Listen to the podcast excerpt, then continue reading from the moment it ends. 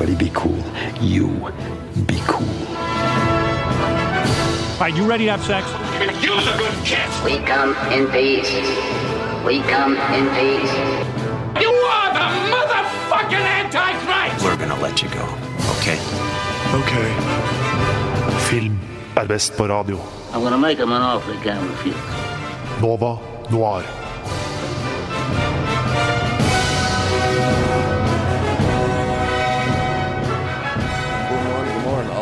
Lyttere. Det er jeg, Sondre Kauslin, som sitter her i studio og skal lede dere inn i et par timer med Nova Noir og film. Med her i studio har jeg Ina Sletten og Ludvig Vittil, og som tekniker har vi den alltid fantastiske Ulrikke Svenne. God morgen. God morgen. Det var ikke så veldig engasjert på morgenen. Eh, I dag så skal vi eh, prate om litt forskjellig. Vi har eh, to anmeldelser å eh, ta dere igjennom i dag. Eh, der vi skal få høre om uh, Gunerius Literary og The Potato Peel. Cornsley Literary Literary and Potato Peel Pie Society. Ja. ja, et eller annet sært uh, greier som du skal Nei, ingen kan navnet. Ingen kommer til å huske navnet heller. Og så tar vi også solo, uh, Han Solo-filmen som eh, har føya seg inn i Star Wars-universet. Um, utenom det så eh, skal vi prate litt om uh, musikkfilmer. Altså ikke eh, de typiske Ikke musikaler. Ikke musikaler, nei. Uh, og eh, ikke liksom uh, Disney Camp Rock-aktige greier heller. Men eh, filmer der eh, musikk har et sentralt eh, element i filmen, og liksom eh, gjerne Er en del av universet. ja, er en del av universet, og gjerne speiler liksom kulturelle ting. Eh. Eller bare filmer om musikere eller musikk. Ja. Da. Fordi alle filmer vi skal snakke om i dag, Er jo om musikere, musikere. egentlig. Ja. Kort og godt. Eh, men før vi eh, begynner videre nå, så skal vi få høre en eh, lita sang eh, av Sara og eh, Arsa som heter 'Hypp på mere'. Sara og Arsha med 'Hypp på mere' fikk vi høre der. Eh, nå tenkte jeg at vi skulle, eh, før vi begynner å bevege oss inn mot eh, tema og anmeldelser og hele shebangen, så tenkte jeg vi skulle bare gå gjennom litt hva noen av dere har sett siden sist. Eh, og jeg tenkte jeg skulle starte med meg sjøl. Det er lov. Ehm, nei, jeg har sett eh, Onde planer på Netflix. Det er en documentary-serie på eh, bare fire episoder eh, som handler om et eh, Hva skal man si uten å spoile for mye? Det, det starter med at det er et eh, bankran eh, som skjer, eh, der vi eh, Der det er en fyr som eh, raner den med ei bombe rundt halsen, eh, som eh, Eh, og han blir fort fanga av politiet. Eh, og han insisterer på at bomba er ekte, og alt sånt der, og politiet liksom bare det drøyer og drøyer før bombegruppa kommer. Og sånn der. Og eh, det, er, det her er bare 20 minutter, eller sånn halvveis inn i episoden, men det ender jo opp med at bomba sier pang, da. Eh, og eh, hodet hans eh, splettes, og eh, det er nokså makabert. Det her er jo ekte. Det her skjedde jo i 2003. Ja. Eh, og eh, du begynner, får mer og mer innblikk. Nå mangler jeg enda siste episode, så jeg vet ikke hva konklusjonen er. Men eh, du, det beveger seg inn mot ei dame som virker til å være liksom mastermind bak det her. Ei manisk depressiv ei som eh, eh, Ja, og litt andre diagnoser sikkert. Eh, som har laga et sånn der skikkelig elaborate eh, scheme, da. Altså en ond plan, da. eh, for å ja, bare fucke til ting, egentlig. Ja, for Hadde ikke han et sånn utpre- utpressningsbrev med seg? Jo, jo, han hadde ikke bare et utpressningsbrev, han hadde intrikate planer om hvordan Altså sånn der sånn, sånn her kan du få desarmert bomba, du må gjøre sånn og sånn inn da og da, og sånn og sånn inn da og da, og så må Nei, du gjøre ditt Ja, ja, ikke sant. Det var liksom Innen liksom 30 minutter, eller ja, dør du? ja, ikke sant. Og på hvert sted vil du få en ny, en ny del av koden til å desarmere bomba. Det var, ja, ja, sånn, som en sånn, film. ja, som en film. Det er det, det, det som er så eh, absurd med den dokumentaren, at eh, Ja, det, du, du tror ikke at det er ekte i det hele tatt, for det er sånn Hæ, det her kan ikke ha skjedd, liksom.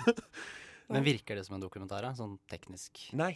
Nei, ok. Det virker som en serie, liksom. Eh, som en sånn slags mockumentary-aktig. Så du sitter der og bare sånn Faen, hva, er det her ekte? Tror du det er et kødd, liksom? Ja, jeg bare This can't be fucking real! Men er det bra, da? Det er kjempebra. Eh, altså, folk eh, gikk jo helt av skaftene for eh, Making a murder. ja, 'Making a Murder', men eh, det her syns jeg er bedre bare for at det er litt mer kortfatta. Og det er liksom ikke så mange treige eh, snakkesekvenser, liksom. Eh, så jeg syns det her er virkelig verdt å se. Onde planer. Onde planer på Netflix. Mm. Jeg har vært, jeg har vært makaber, jeg òg. jeg har ikke sett noen spesifikk serie, men jeg har sett på random dokumentarer om kjente seriemordere og massemordere. Aner ikke hvorfor, men uh, det var det jeg valgte å gjøre denne uka. Sola skinner, men vi begge velger å heller se på det mørke. Høre om drap og kose seg og koselig. Ja, men det, er fordi man, det er fordi man må sitte inne når man uh, skriver, på en måte. Det er studentenes uh, oh, ja. Curse. Men, det er om disse vanlige Ted Bundy og Ed Gein og disse her. Og det er bare sånn Der musikken har Mozart og uh, alt sånt der, så har vi de, de der morderne der. Liksom. Ja, men det er det som er Når jeg ser sånne dokumentarer, så får det til å føle meg litt mer uh, sinnsfrisk, kanskje. At eh, det fins verre mennesker enn deg. Ikke sant? Eh, men eh, ellers så har jeg lite å komme med. Jeg har sett skammelig lite denne uka her, altså. Ja, det er eksamensperiode, vi- det er lov. Men for du som ikke har eksamensperiode, vår eh, kjære dropout Eh, jo, jeg som da har droppet ut, så ikke har Og ikke har så mye på tapeten for tiden. Jeg har heller ikke sett sånn sykt mye. Jeg, så, jeg var hjemme i Asker, og da har mamma og pappa har sånn det største filmbiblioteket ever. Og da så jeg på to filmer, og de var helt OK alle sammen. Men jeg så først på Café Society, den til eh, Woody Allen. Og den var skikkelig dårlig. Og, jeg var sånn, og det var skikkelig varme, det varmet hjertet mitt, for da er jeg sånn Woody Allen er en pikk, og han lager, nå lager han skikkelig shitty filmer også. Så det er sånn, da har han ingenting. Nå speiler personligheten hans i Altså filmen etter, etter 'Midnight in Paris' så har han liksom lagd én film hvert år. Ja. Men det virker som han bare gjør det for for, pengene. nei, eller for, nei, ikke pengene engang, for han tjener ikke så mye for å lage film, bare. Ja, for at folk skal være sinte på han.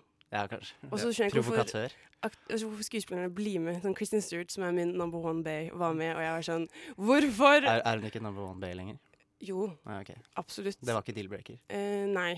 Jeg er ganske tilbøyelig når det kommer til Kristin Stewart. Veldig, veldig tilbøyelig. Veldig. Så, Eh, ja. Men for å bevege oss videre fra det, så, eh, og litt mer eh, litt sånn teasing til videre tema her, så eh, har vi jo to nyheter også eh, fra Ja. denne uka. For det har kommet trailer. Ja, til uh, den filmen som heter The nei. Nei, å, jeg tenkte jeg skulle begynne med oh, en andre. Oh. Ja, uh, det er to uh, mus musikkfilmer, holdt på å si. Den ene er The King, som er en slags semi-biopic av, av um, For den er ikke helt sånn biografisk. om Elvis, som ser ut til å Fra traileren så ser det ut til å kunne fange opp veldig mye av kulturen rundt, og hva, hva slags impact eh, Elvis hadde liksom på eh, På musikken, men også liksom på samfunnet rundt hva, hva det hadde å si for folk som hørte på musikken og alt sånt der. Noe som jeg var veldig positivt overraska over, fordi at det er ikke alltid det blir så bra og bare sånn der Å, det var en kjent person, så la oss se på livet deres. Uh. Ja. Altså, Elvis var kjempeviktig. Han, fikk jo ikke lov til å se hoftene hans på TV engang. Han, han, var så obscene. Ja, ja, og han deala jo med mye drugs og alkohol og alt sånt der, så det gleder jeg meg til å se. Men eh, du hadde også det, funnet fram noe snasent? Ja, eh, verdens beste Rami Malek, som er med fra Mr. Robot, skal også lage biopic om eh, Bohemian Eller om Freddie Mercury, da, som Ja. heter Bohemian Rhapsody. Og jeg tror den blir sykt kul, altså hvis ingen har sett den. Og jeg den. håper det. Ja, fordi er for det, han er så flink. Men dette er helt annerledes enn det han har gjort før, føler jeg. Ja, og så er det morsomt at han skal spille britisk og alt det der. Ja. Men uh, du så traileren, ikke sant? Hvor han har de tennene. Ja, Han så jo sånn ut. tenner. Men den traileren der, det er definisjonen på en teaser, ass. Jeg ble nesten litt provosert, for du får ikke noe Nei. inntrykk av ja, det, du, du får litt sånn profilbilder av han, Ja. så alle Freddie som hater spoilers, elsker det, sånne trailere, liksom. Det er jo på en Ja, måte men uh, du blir nysgjerrig også, vet du. Ja, ja. Så den gjorde jo det den skulle. Ja. Men det var liksom bare montasje av tre Queen-sanger og han som sang på en scene. Jeg, var litt Jeg, jeg vet ikke om det var hans stemme eller Freddie Mercury sin stemme heller, jeg, i, i den Men hadde jo litt eh, sånn kommentarer, da. Eller sånn noen sånn Jeg ble i hvert fall sur på den riktige måten. Mer, Ja. mer, Ja, ikke sant. Mer, mer, mer Jeg bare meg masse. Og jeg så også at det kommer en film om Å! Uh, uh, Faen. Han som har skrevet uh, Rocketman og eh, Elton John. Elton John! mye, mye musikalsk i uh, eventet denne sommeren. Um, men uh, før vi uh, beveger oss videre på den første anmeldelsen din i dag, Ina, så skal vi høre uh, Wanna Dance av eh, Modcon. Nova Noir presenterer ukens kinopremierer.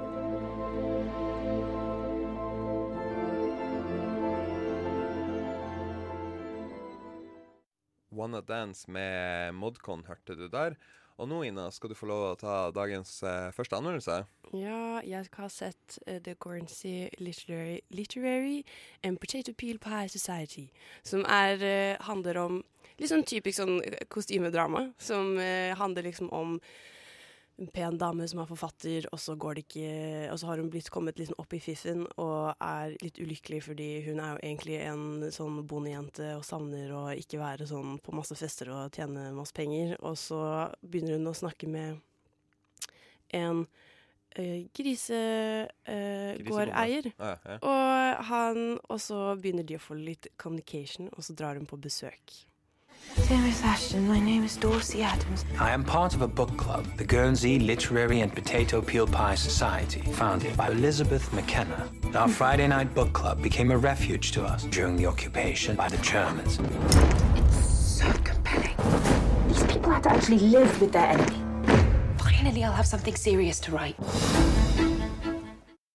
Ja, og det du hørte der, var da små klipp fra filmen. Og da er det hun drar da til Gornsey Eh, ja. Og for å møte da eh, Dasi og resten av gjengen. Og det er da Hun heter Juliet Ashton og har spilles av Lily James, hun som er med i Downton Abbey og spiller hun amerikaneren. Og hun er også med i Baby Driver som love interest. Å ja, ja. der, ja. Ja, hun som er veldig pen og egentlig ikke så flink skuespiller. Noen, skal noen gang holder det å være pen, ikke sant? Let's be honest. Mm, let's not. Og så skal hun også være med i eh, Mamma Mia uh, og skal spille den unge Meryl Streep. Jeg skjønner, sånn, Unnskyld meg, men det er ikke så viktig akkurat nå. Uh, og hun spiller da mot uh, Michael ha Husman? Houseman, Houseman. Som eh, Han spiller Dario i Game of Thrones. Og han er liksom love interesten i denne filmen òg. Dario det er kjæresten til Daenerys, hvis ingen husker det. Han som ble nå, byttet ut. For det var egentlig en sven finsk fyr, og så sluttet han. Og så kom det nye Kommer en Dario. fyr med bedre hår. Ja, ikke sant. Men i hvert fall, eh, Dasi, og så er det en gjeng med eh, litt sånn rar sammensetning av folk. De var Under krigen så ble de liksom eh, De mistet eh, levebrødet sitt. De mistet eh, han griseeieren. Han mistet alle grisene sine og måtte bare, fikk lov, bare lov til å dyrke poteter. Og de samlet seg, da. Eh, en, en jente som het Elizabeth. Eh, samlet de, og de eh, startet en bokklubb. Fordi Det var helt tilfeldig, egentlig. Eh, Så, så bare helt randomly, tyskerne lar han ikke være grisebonde lenger, så ja, ja, fuck it, jeg starter en bokklubb, Det liksom. som egentlig begynte med, var at det får man vite i filmen, at de, eh, hadde, de hadde klart å redde én gris. De hadde én gris igjen, og da hadde de en sånn stor middag hvor de spiste grisen, og alle hadde det. Jeg har ikke noe kjærlighet for en one survivor, liksom. Ja. jeg som sitter og er eh, vegetarianer, var litt sånn mm, dette, Denne montasjen hvor det var sånn fettet fra grisen drev og rant ned, og det var det bare sånn Ja, det var litt sånn rart. Men i hvert fall også på vei hjem så møter de fra det ene huset, så blir de møtt av tyskere. Og da er det sånn Hva er det dere driver med? Har dere lov til å være ute så sent? Det er forbi curfew. Og så finner hun Elisabeth på, for hun er sånn Ja, vi har en, bokklubb! Og så er de sånn Å ja, OK, hva heter den? Og så må de re registrere den, og da har de på en måte ikke noe valg enn å starte bokklubb. Så det er egentlig veldig sånn, egentlig litt ufrivillig. Men Dasi finner en bok som tidligere har tilhørt til da hun eh, Juliet. Og, så send, og da har hun skrevet sånn adressen sin i den, så han begynner å sende henne brev og er sånn Hallo, eh, kan du finne denne boken til meg? Så kan jeg eh, kjøpe den av deg. Og så er hun jo egentlig sånn superetablert eh, forfatter. Mm. Og hun er egentlig forlovet til en amerikaner som er skikkelig kjekk og er liksom kjemperik og koser seg kjempemye. Og så har hun jo forresten verdens beste publisher, som er kanskje den kjekkeste mannen i historien. eh, Matthew Good. Vet dere hvem det er? Nå er jeg nødt til å google et bilde. Matthew Good, som Men- spiller i Watchmen og Imitation Game. Og han spiller i The Crown, som Er han sånn birolletype? Ja. så Veldig Nei, hvem er den der i The Crown? Han er uh, kjæresten til uh, eh, prinsesse Og, og er en av doktorene? Han doktor Who-fyren? Ikke Nei, han som er liksom eh, Hun Hva heter Jeg finner bare en kanadisk rockemusiker, så det var obviously ikke han. Nei, Men men eh, det er ikke så viktig, men det er han som spiller eh, Margaret, prinsesse Margaret, når hun får seg kjæreste Å, i sesong to. jeg OK, han er sykt digg, i hvert fall. Men og, og fra, de, fra dine Ja. si, crushes Han til koser seg i veldig mye kostymedramaer, og jeg koser meg veldig mye når han er med i sånne ting. Men og så drar hun da til den øyen for å skrive om de, og så kommer hun, faller hun i et sånt type mysterie hvor alle er der utenom Elisabeth, da, hun som etablerte gruppen. Og ingen skjønner, hun, ingen vil snakke om det, og alle syns det er litt sånn eh, betent, og så er Blir det hun plutselig sånn murder mystery-drama? Det her, er det det? det? Mm, ja, det får du se da, hvis du ser filmen. Fordi det eneste problemet med filmen er at den hovedpersonen er veldig lite interessant. Det er egentlig den, hun som er borte, hun som er savnet. Ja. Elisabeth er hun som er spennende. Men hun hun- ja, og hun er ikke mye Hun får ikke mye screentime, liksom. Nei, og det ender jo med at hun da, eh, Juliet, Divo, bare går fra person til person for å prøve å grave fram mer av historien for å få flere flashbacks. Ja, og ja, så, Så- den, så filmen relyer egentlig veldig mye på bare tilbakeblikk og Og så da er det greit Altså, det funker noen ganger, men da, når det ikke er flashbacks, så er det ikke så gøy. Eller sånn, Juliet har liksom Hun flørter litt med han ene fyren, samtidig som hun er forlovet. Og det blir liksom veldig forutsigbart, alt som skal skje, da. Så, Ja, for de har jo endt opp der uansett, liksom. Så.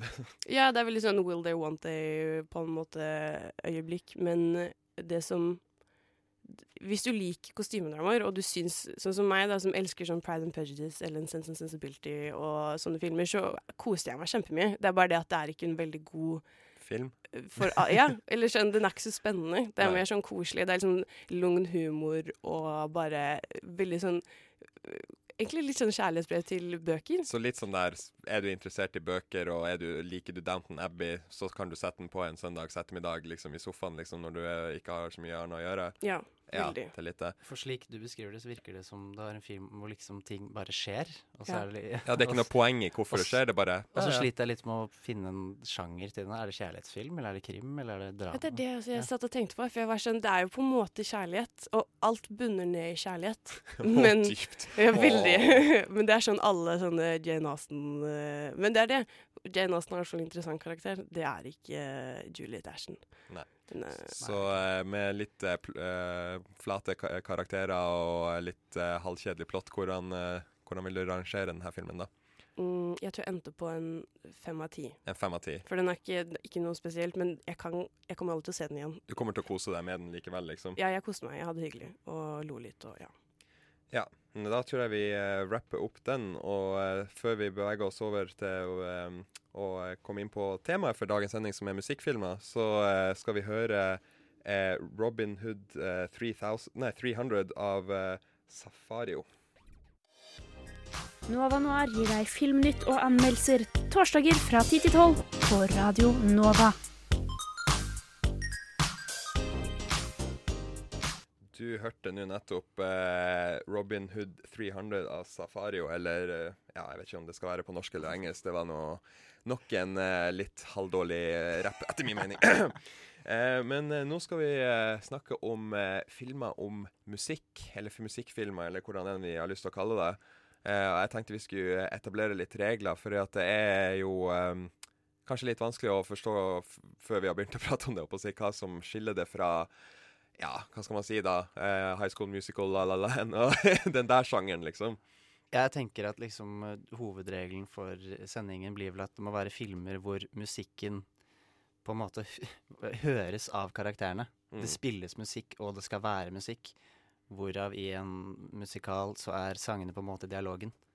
Da, da finnes egentlig ikke sangen. Nei, ikke sant. Det- det er- det, det plutselig bryter alle ut i sang, men det gjør jo ikke det folkene i de eh, filmene vi skal eh, ta oss av. Og vi har jo valgt ut, valgt ut oss et lite knippe av filmer som eh, vi føler var, li- er Hva skal man si, da? Eh, der både de karakterene som blir eh, portrettert, eh, har hatt mye å si innenfor sine spesifikke sjangere av musikk, eh, og i sin, eh, sin kulturelle kontekst, da. Eh, for vi skal ta et litt uh, lengre dyp, dykk inn i uh, uh, Eight Mile, eh, som er om Eminem, Amadeus, som er om eh, Mozart, Uh, og så eh, Whiplash, som jeg er usikker på hva Løs, løselig basert på regissøren Ja, sitt, eh, sin tid på skolen. skole. Sitt eget liv. Ja. og også Walk the Line, da, som eh, er om eh, Johnny Cash. Ehm, men eh, hva tenker du egentlig eh, om liksom sånn eh, filmer der musikken på en måte er nesten en hva skal man si, nesten en karakter i seg sjøl. Jeg syns at det er viktig å lage sånne filmer.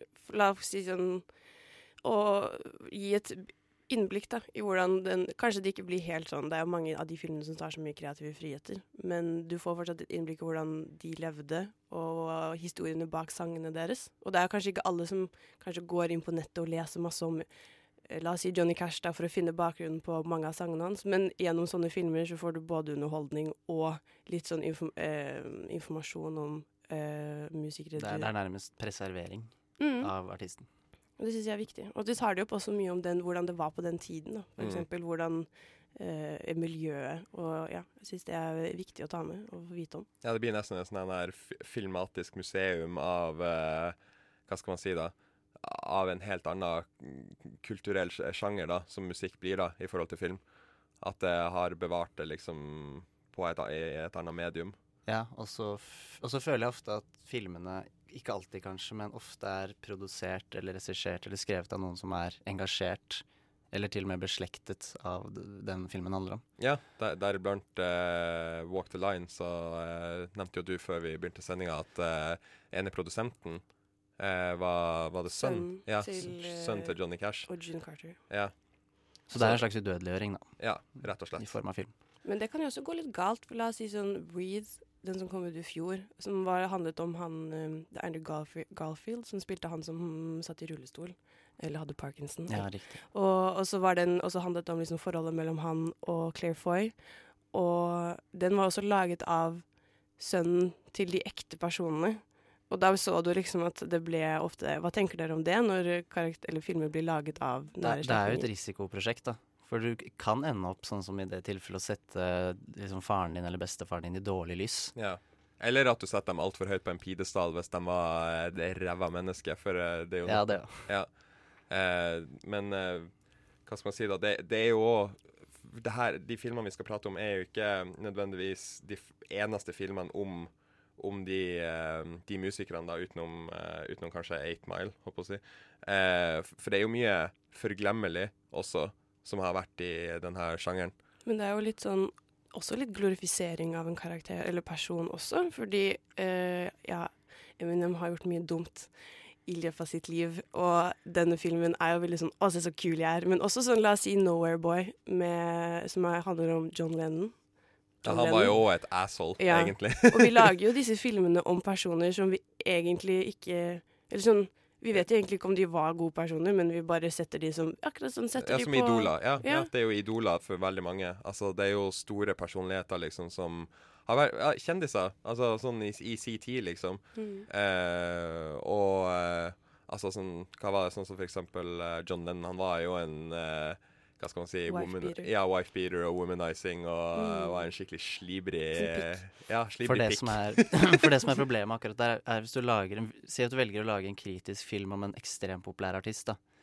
Eh, da kommer du til å slite med fansen, for fansen er en eller annen sånn De har allerede bestemt seg for at, At den personen er filmen, ja. Nei, ikke elsker filmen, Ja. elsker personen. Ja. Så hvis du lager en film i negativ, Mm. så kommer de til å bare tappe penger, eller kommer til å bare Film handler jo tydeligvis ultimately om penger. Ja, det er, Ja, det- det, det- er sure sannheten. Ja. Men jeg syns fortsatt at det er blitt en mer trend nå det siste å lage dok eller filmer eh, som er også ganske Sånn som i Walk the Line. Det er jo ikke sånn at Johnny Cash er en veldig flatterende eller sånn, det er ikke sånn en veldig, Han er sjarmerende og kjekk, men han er jo, har det helt jævlig og er ganske frekk og slem eh, til mot June. Samtidig som han er sympatisk. Jeg føler at filmer har blitt flinkere på liksom, Nå er den gammel, da, men å vise litt mer um, Nyanserte Ja. Vise alle sidene. Ja, det er ikke bare glorifisering, liksom. Nei. Eh, for jeg leste, eh, jeg leste litt grann om eh, et par eh, dokumentarer som har vært laga om Elvis tidligere, og der har det liksom sånn vært litt sånn et problem at veldig mange av dem har uh, bare vært sånn Å, wow, showman, liksom. Selv om han egentlig hadde det alkoholproblemet og eh, overvekt og kokain og hele pakka, liksom. Mm. Uh, at det var først han, liksom, en dokumentar som kom i fjor, tror jeg det var, uh, som var en av de første som virkelig viste det her var Elvis. det her, og det er jo det den nye filmen som vi nevnte i stad, The King, eh, også virker til å skal vise. En litt mer nyansert fortelling eh, av eh, både personen og hva musikken hadde å si, da. Ehm, noe som jeg føler også kommer til å Som jeg også kommer til å nevne nå når vi eh, etter hvert skal prate om 8 Mile, da, spesielt.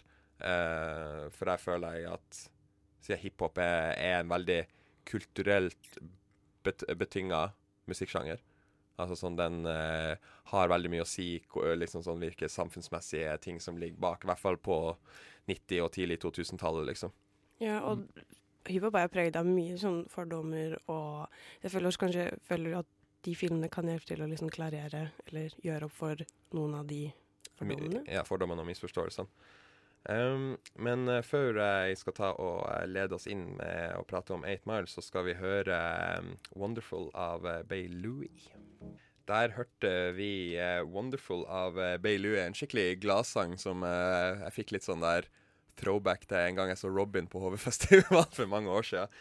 Eh, nå tenkte jeg vi skulle eh, snakke om eh, 8 Mile. Eh, det er jo den semi-akt... Altså semi-biopikken om eh, Eminem sin eh, sin framgang, eller altså sin begynnelse, sin humble beginnings i eh, utkanten av eh, i trailerparkene i Detroit.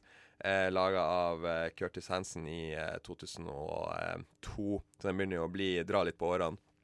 Eh, jeg mener at 8 Mile er Og det er jo veldig mange som er enig med meg, at det er jo den beste hiphop Altså filmen som depikter hiphop-kulturen. Eh, fordi at den viser veldig mye liksom om hvordan Eminem eh, i et predominert svart miljø eh, klarer liksom for det å penetrere den kulturen og, eh, eh, og vokse liksom sånn få få sagt si historie liksom gjennom musikken, til tross for at det var et veldig lukka, eh, lukka og stengt miljø han kommer inn i. Og vi har et lite klipp her som eh, viser litt hvordan han drar seg inn i det miljøet. Okay, folks, enough with the gay jokes, especially from a gay broke bitch yourself. Hey, Lo. this, this style's doo-doo. You worked here longer than me, and I get paid more than you do. Serious, man. Dog, take a seat. What's this guy standing in line for? He ain't got money to eat. Check this out. Yo, yo. This guy cashed his whole check and bought one ho-ho. Fucking homo, little maggot. You can't hack it. Paul's gay. You're a faggot. At least he admits it. Don't even risk it. This guy's starving to death. Someone get him a biscuit. I don't know what they told you, Mike. You must have them cornrows rolled too tight. His job, you want to quit, but you can't. You worked at this plant so long. You're a plant. Look at your goddamn boots. For Christ's sakes, they're starting to grow roots. On this mic, you get faded. You look like a pissed off rapper who never made it. And why you fucking with the gay guy, G? When really you're the one who's got the HIV? Man, I'm done with this clown. He's soft. Fuck it. I'll let homegirl finish you off. en av de eh, bedre diss-freestylene eh, som noensinne har, eh, har i hvert fall blitt vist på film. eh, og vet ikke, den, den viser veldig mye av det sinnet og den frustrasjonen som er i å liksom vokse opp i en Ja, så, som en de- dead end nobody, liksom, i en trailerpark i Detroit. Eh, men eh, em, som jeg nevnte, liksom sånn der at eh, rase blir veldig sånn der backdrop også. Eh, for det er jo som bestevenn For Eminem er jo den eneste hvite Nei, den er en av to hvite i, i vennegjengen. Men så sier jo underveis i filmen at Bestevennene sier, sier til Eminem at There's always room for a white man in a black man's world. Eh, som er bare for å Føler jeg viser veldig godt at den kulturen kan inkludere, på en måte. At det er ikke så Det, det raseskillet der er liksom bare en f, f, Hva skal man si, da? En falsk eh, Et falsk En falsk vegg, da, som ikke eksisterer der, egentlig. Og at det er bare noe vi skaper sjøl, og ja. Mennesker elsker jo å dele seg opp i også, Ja, rett og slett. Det er det jeg prøver å si. Rette opp tankene mine der. Men den spilles jo av selveste Eminem. Det er, det er litt spesielt. Hvordan syns dere det funker? Jeg tror han er utrolig true til seg sjøl. Det er ikke en fyr som er redd for å være vise seg sjøl fra sine dårlige sider, liksom. Jeg syns det er et uh, tveget sverd hvis man skal liksom, som du sa, man skal vise sine humble beginnings. Når man spiller det selv, så har man jo på en måte Da kan man jo sensurere seg selv, da. Eh, og på godt og vondt. Fordi du var jo der selv. Det er jo positivt. eh, Selvfølgelig, men kan, vil du jo eh, kutte litt av Man blir jo alltid litt litt blendet men- av seg selv, på en måte. Men den her ble laga så tidlig i Eminems karriere at eh, jeg tror ærlig talt ikke at at han liksom ble ha, Det hadde ikke vært det samme om det var sånn han hadde ikke fem, rukket- seks, et år etterpå. Nei, han hadde ikke rukket å bli blenda av seg sjøl ennå. Altså, sånn, man kan jo si mye crap om Eminem nå, liksom, for at sånn musikalsk sett så har han jo vært under middelmådig de siste årene, men da det 2002, liksom, det var jo bare hva da, tre år etter at uh, den første plata hans virkelig tok av. Uh, og ja, han var fortsatt humble i, i, i, sin merit, Han var veldig si. på vei opp, Ja. men samtidig litt nede, kanskje. Ja, ikke sant. Han, musikken hans har jo vært du, du har mye følelsesmessige aspekter i den som du kan se hvor den kommer fra i denne filmen, da. Um, rett og slett fordi at han har jo ei, ei mor som ikke helt har eh, livet på styr i det hele tatt. Går fra mann til mann og eh, på en måte Til menn som aldri kan erstatte faren, liksom, som bare var en beat-ass-fyr som bare stakk fra, liksom. Um, som gjerne var typi, er typisk i sånne litt mer fattige deler av samfunnet, liksom. Altså, sånn, fami familieverdiene står ikke akkurat høy, i høysetet, liksom. Hvor gamle var dere når dere så den første gang? Jeg så den nok Jeg, me jeg mener vel at jeg, jeg burde kanskje ikke sett den da, men jeg mener vel at jeg så den nesten med en gang. Ja, jeg mener òg at jeg var bare Da var jeg vel 11 ni-ti år. eller- 11 eller 12 år. Ja. Da var du rolige fem? ja, altså, jeg så den ikke Jeg så den på skolen, jeg. I, I engelsktimen, liksom. Ja, eller et eller annet sånt. Kanskje musikktimen eller noe, jeg husker ikke. Men eh, jeg husker at jeg syntes den var, den var kul, men jeg husker at jeg, den falt aldri så godt i, i, for meg, egentlig. Nei, jeg vet ikke. Jeg, jeg liker den.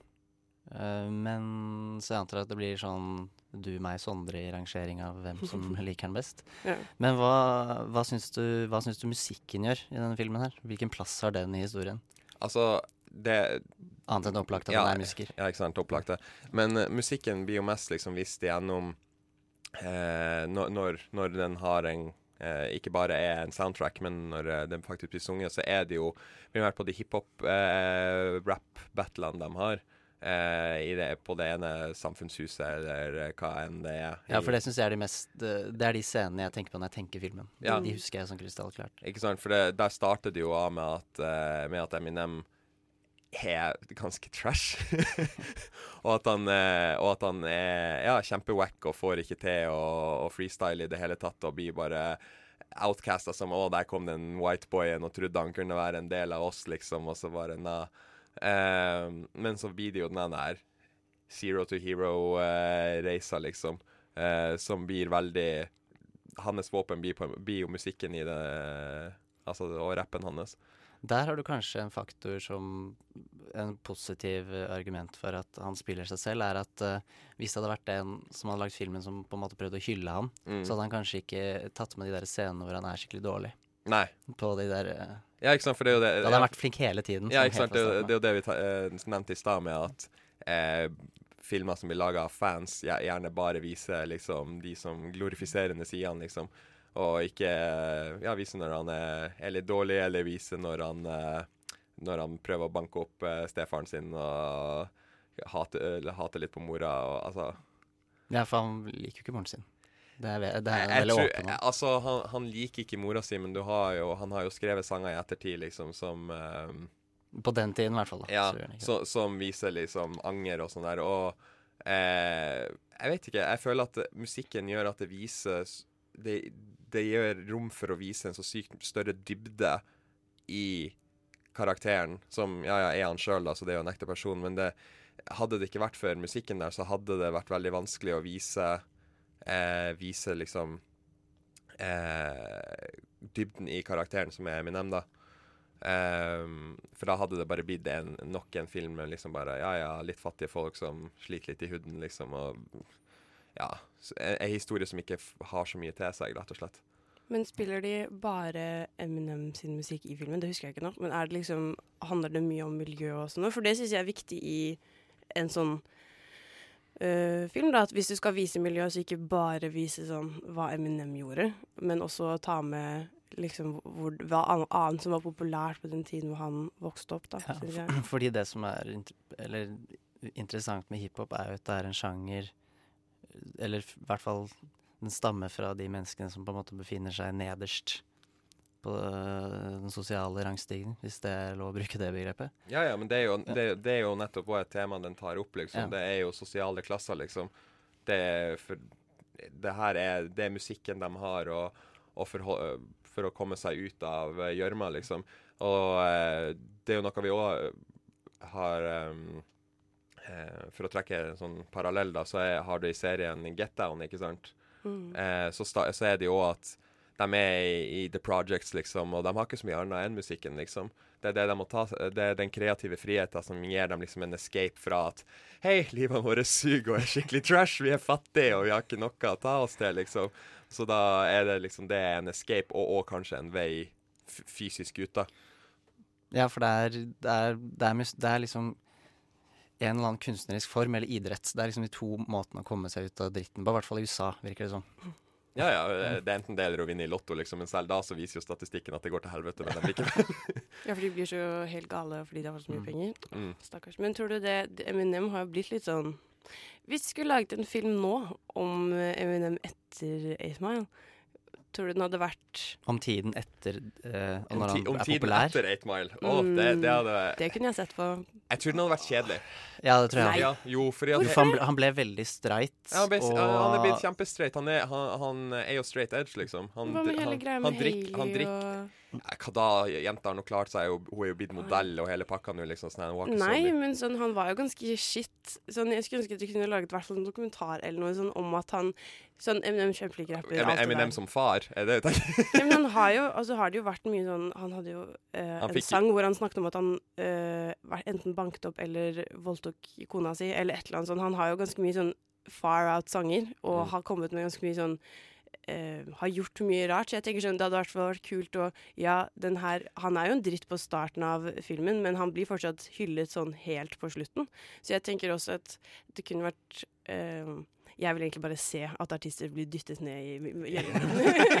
sånn bottom line. Jeg vil at vi skal se at de også er mennesker Ja, og teite. Men det er jo, ja, jeg er jo enig med deg. Jeg mener jo at det er det man ser i filmen.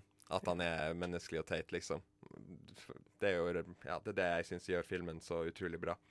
Um, men nå skal vi jo, eh, for å rappe opp uh, 8 Mile-platen, så skal vi faktisk høre den eh, beste sangen fra uh, hele Eminem sin karriere, mener jeg. Eh, Oscar-vinnende til og med. Oscar-vinnende til og med, som vant for eh, at han var med i 8 Mile. Det er Lose Yourself.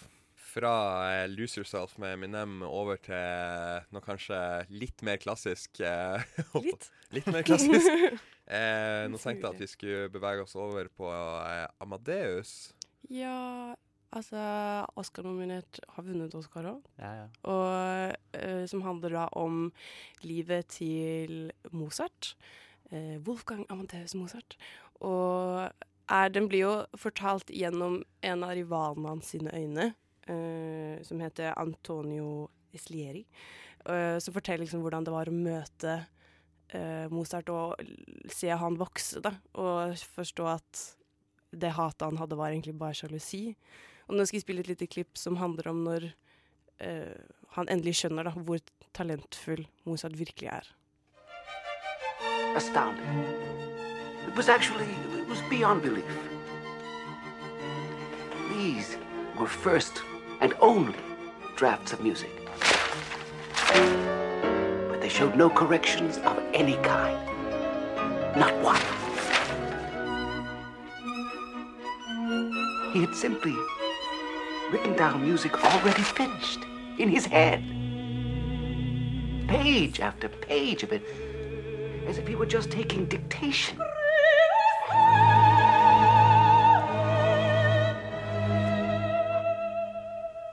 And music.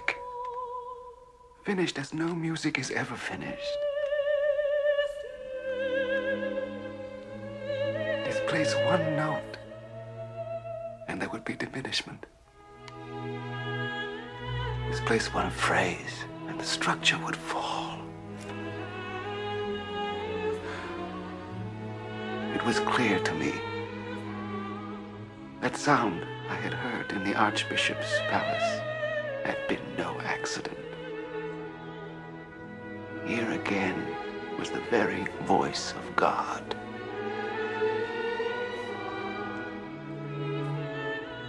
I was staring through the cage of those meticulous ink strokes at an absolute beauty.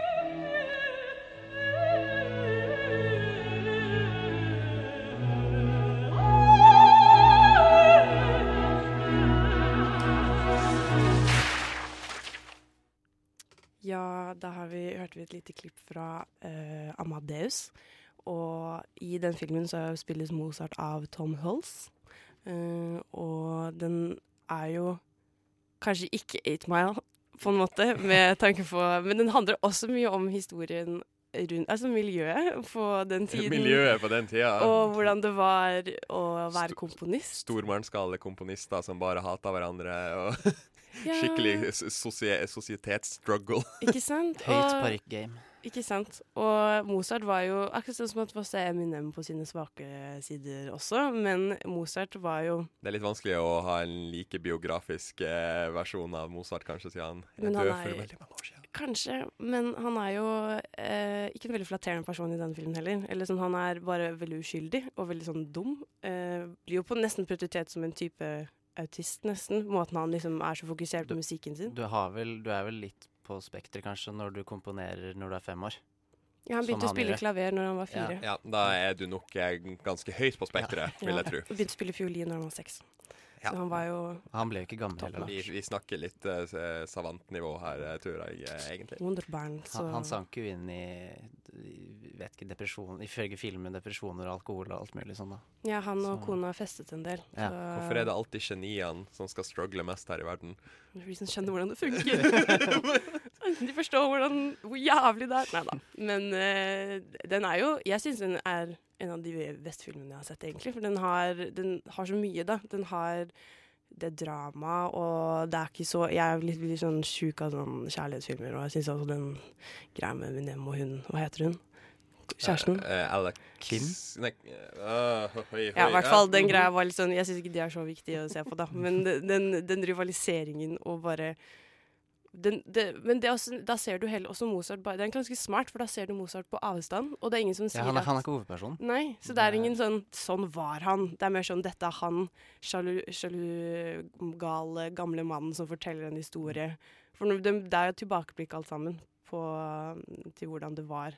Hvor, hvor eh, ekte egentlig syns du det, det liksom virker, da? Altså sånn Altså, jeg vet litt om Mozart, sånn bitte litt, men eh, han uh, det, er ikke, det er ikke flaut å innrømme at du er en skikkelig komponistnerd? Det er lov. Ja. Jeg 100 støtter meg selv. Ja. Men uh, det er Den er jo, sånn som alle filmer, er jo gjort enklere for at det skal funke på Sånn som hvis du lager bok til film, Ja, så kutter du ned karakterer, eller du samler alt i én person. Og han rivalen, da, han som forteller historien, han er nok en samling av mange mennesker. Eh, fordi for eksempel Han, fa han fantes jo ved navn i virkeligheten. Ja, ja, men det er veldig mye av det som De ikke har bare valgt han som Ja. bad guy. Ja, så han var for eksempel slutten, da. eh, ender jo Vi kan spoile, ikke Ja, den kom ut i 2004, tror jeg. Så det 84. 84. Ja, 84. Ja, nei, Ja, så den er pretty old. Men den var kjempebra, for det sa å se den. Men, og da, det ender på en måte med at fordi Mozart bruker masse, masse penger, så er han i masse, masse gjeld og trenger penger. Og da kommer det en fyr og er sånn Du skal skrive en dødssonate for meg, øh, eller en begravelsessonate, og jeg skal betale deg masse penger, og ingen skal få vite at det var du som skrev den. Og den skal jeg få. Og han hadde en sånn stor, svart maske, og det er liksom det som er posteren da, i Amadeus. Men det, er, det skjedde i virkeligheten, det òg. Men i filmen så gjør det det at det er han rivalen som er han. Men i ekte i det som skjedde, var at ingen vet nøyaktig hvem det var. Men det viste seg at det var en mest sannsynlig da, en hertug eller en sånn veldig rik mann som hadde nettopp hadde mistet konen sin. Og ville liksom hedre henne da med en sånn sonate. Og da skulle han liksom stjele den og late som at det var hans, da. Men det var da ikke han som er med Litt, i filmen. musi litt musikkorrupsjon, liksom, inni bildet. Men det er ikke noe viktig, da. Det er jo en veldig liten detalj. Men sånne ting, for eksempel, da. Så jeg tror den er Det har jeg egentlig ikke noe Men det er litt sånn, jeg tenker cut it som slack. Altså Når du lager en film om en person som levde for 300 år siden, så Ja. har du bare skrifter og rykter å gå på. Mm. Liksom. Det er, eh, du kan ikke gjøre det bedre, på en måte. Men musikken og relevansen, den er det synes jeg er det beste med den. Han er jo veldig relevant. Ja, altså, Ja. Mozart er jo en av de som kommer for alltid til å være relevant. Mm. Altså, han stiller seg jo i Altså, i en, en av de første i rekken, liksom, sånn der, også I ettertid har vi liksom hatt Beatles, Elvis, liksom, og eh, band og artister som det, på en måte, som, altså, sånn, som har mye å si for musikk generelt, ikke bare liksom sånn at de har én sang som hadde mye å si på den og den tida. Det har liksom Eminem? Satt store kulturelle og musikalske impacts, på en måte. Ja. Ja, men det er liksom Alle har sett Cola-logoen, og alle har hørt en Mozart-sang. Ja. Det er to sannheter, på en måte. Alle vet hvem han er. Ja. Og det er derfor jeg syns sånne biopics er viktig. Fordi hvem er det som liksom går inn og leser om Mozart, liksom? Hvem er det som Du? Ja. Meg som kanskje vokste opp Minken Fasheim sine lydbøker om komponister. Hvis det er noen av dere som har hørt på det, I see you. Det tror jeg, det tror jeg vi know. hørte på på barneskolen. Dette hørtes kjent Ja. ut, faktisk. Det er, jeg har fortsatt uh, alle CD-ene mine hjemme, og jeg hører på de jevnlig. Så det kan altfor mye tull om Visste at Ole Bull hadde sin egen Han flyttet til USA og lagde sin egen norske by, eller norske øy, som gikk til helvete. Hvorfor er alle komponister psycho? Ja, det er genier, ikke sant? De bare ja, sant. klikker. Ja, Alt bare klikker for dem. Eh, men nå tenkte jeg at eh, vi skal få høre et mesterverk. Eh, jeg blir ikke å ta og uttale Jo, kom igjen. navnet. Kom igjen. Lenosse de Figaro K492 et eller annet. Something, yeah. something. Ja. Figaros bryllup. Figaros bryllup av Mozart. Nova. Radio Nova Nova.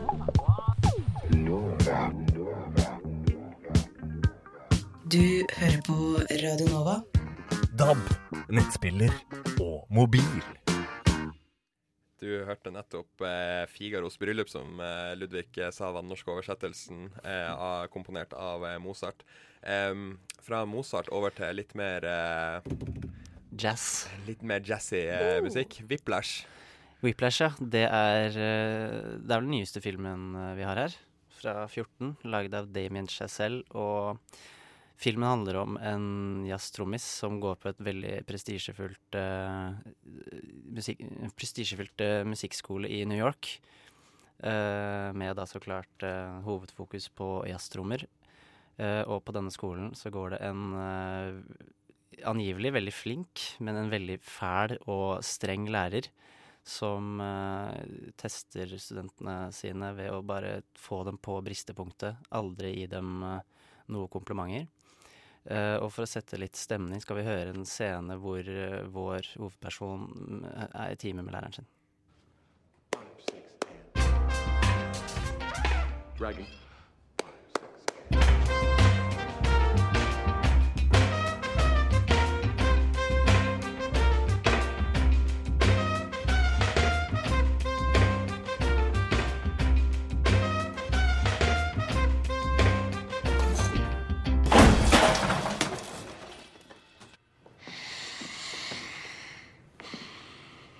Why do you suppose I just hurled a chair at your head, Neiman? I, I don't know. Sure you do. The tempo? Were you rushing or were you dragging? I, I don't know. Start counting. Five, six, seven. In four, damn it! Look at me! One, two, three, four. One, two, three, four. One, two, three. four. Now, was I rushing or was I dragging? No. Count again. One, two, three, four. One, two, three, four. One, two, three, four. Rushing or dragging? Rushing. So you do know the difference! Det høres jo ut som uh, utdannelse slash eh, tortur, egentlig. Det er, det er nesten det det er. Og det er Karakteren Andrew altså er visstnok en eh, løselig eh, basert på både på regissøren Damien Chazelle og han som lager musikken til filmen, Andrew Horowitz. Eh, si, sine, hver sine erfaringer, for begge gikk på ganske strenge kunstskoler. uh, og begge traff veggen, slik som det skjer med figuren i uh, Slik som det skjer her. med alle geniene. Ja. Han har jo brukt eh, Caravan og Whiplash bevisst. Fordi det det er de eneste uh, stykkene i filmen som ikke er egen, eller sånn, komponert Ja. til filmen. Fordi han har et selv et spesielt forhold til de sangene. Ja, for han, um, han måtte øve I hvert fall Cara mente han uh, musikeren i filmen, han som lagde musikken, måtte øve seg i hjel på da han gikk på skole. Og at han kastet opp av uh, når han hørte sangen sånn rett etter han gikk ut av skolen. Jeg, jeg, jeg leste jo her at eh, liksom tittelen ble på en måte valgt uh, f eh, De valgte det som tittel på filmen fordi at det var det de følte de bokstavelig talt fikk av av, på. ja, av, av, av sin erfaring, liksom. At de fikk nærmest nakkesleng eh, av, å, av å gå gjennom det, på en måte.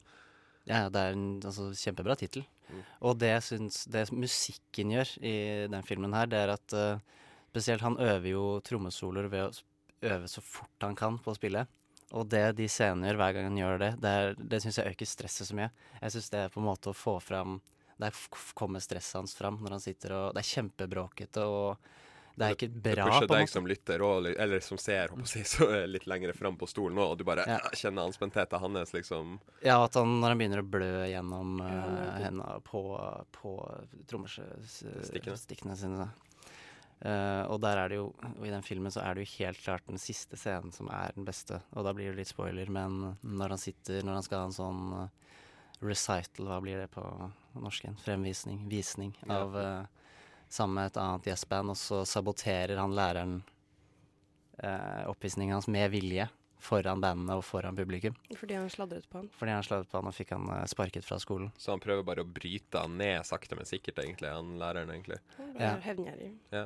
Og- Det er litt mer sånn sjalusi, sånn som det man ser, ser liksom i Amadeus òg, på en måte. Det.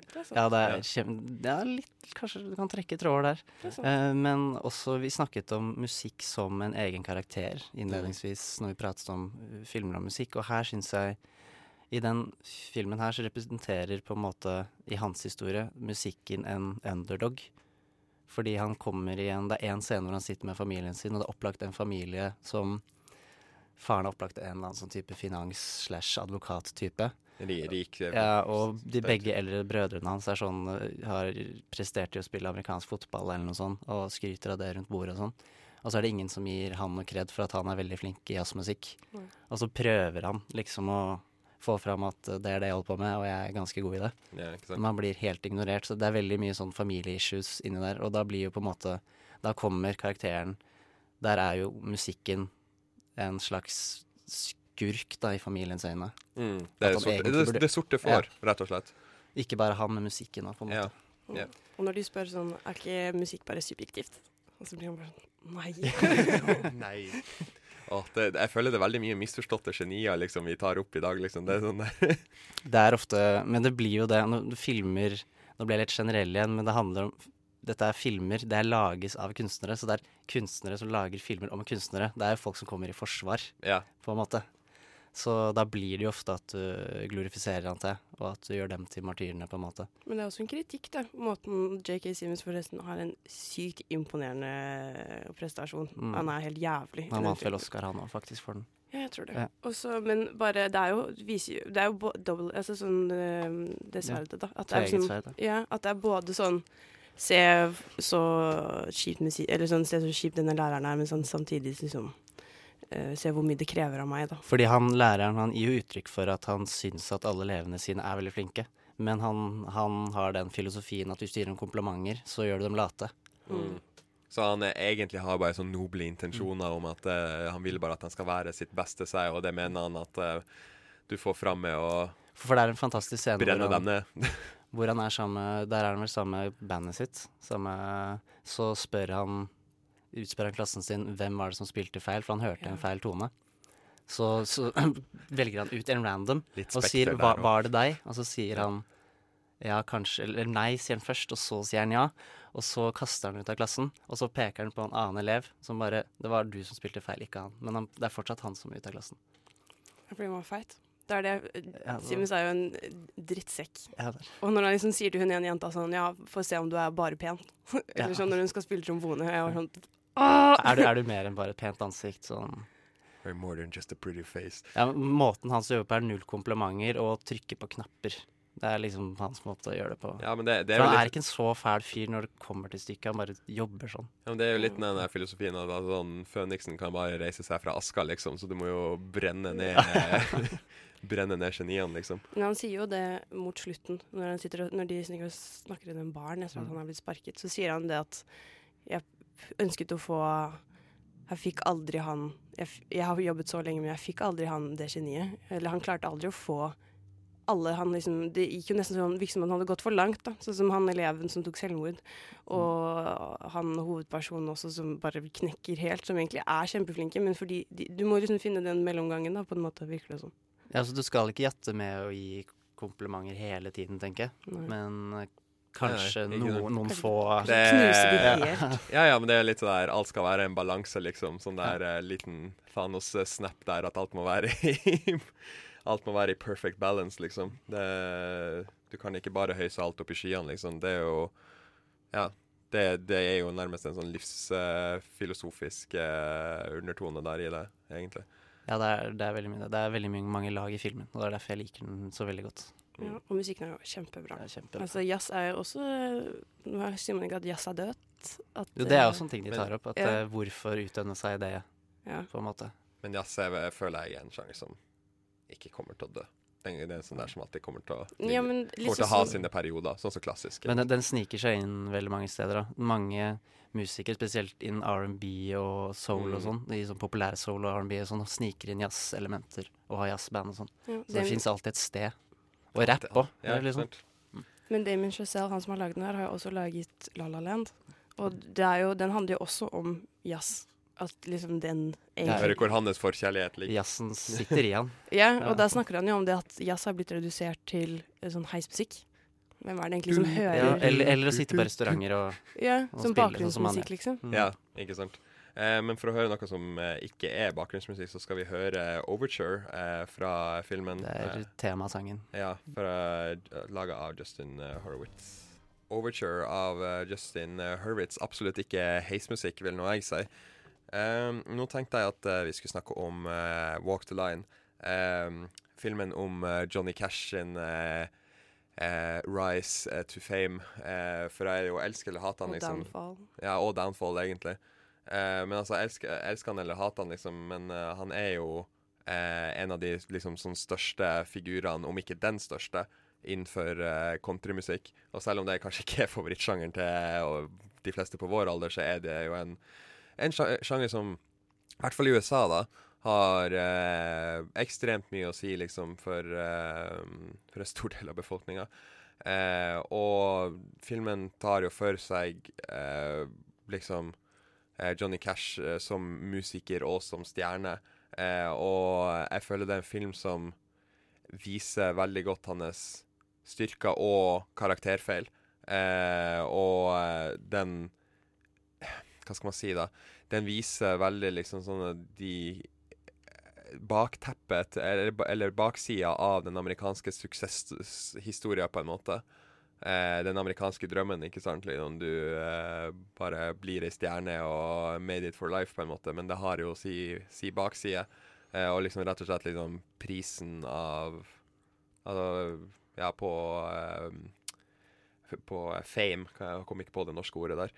Um, og eh, Johnny Cash spilles jo av Joaquin Phoenix, og jeg mener, uh, mener at det her er vel kanskje den beste performancen jeg egentlig har sett av Joaquin Phoenix. jeg det vel kan si meg enig. Ja. Mm. Vi det- har et lite klipp fra når, han, når Johnny Cash kollapser på scenen under en av sangene sine i Vegas.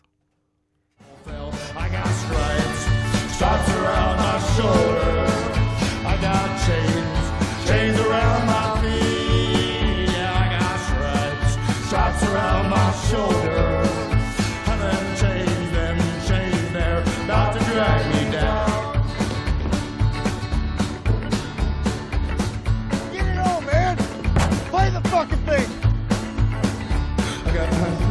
My straight out britches uh-huh. on a Tuesday. I got my ball and chain uh-huh. on a Wednesday. My trial on a Thursday.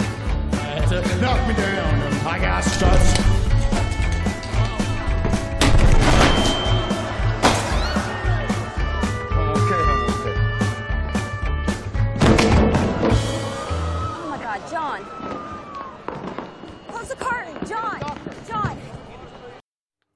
Der hørte vi jo eh, klippet fra ganske seint i filmen, når eh, det egentlig begynner å gå litt nedover. Skeis.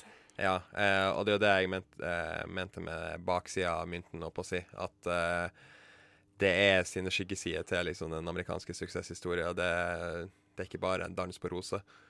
Mm, Aldri, Nei. er det vel. Li er livet noen gang det? Er livet noen gang det?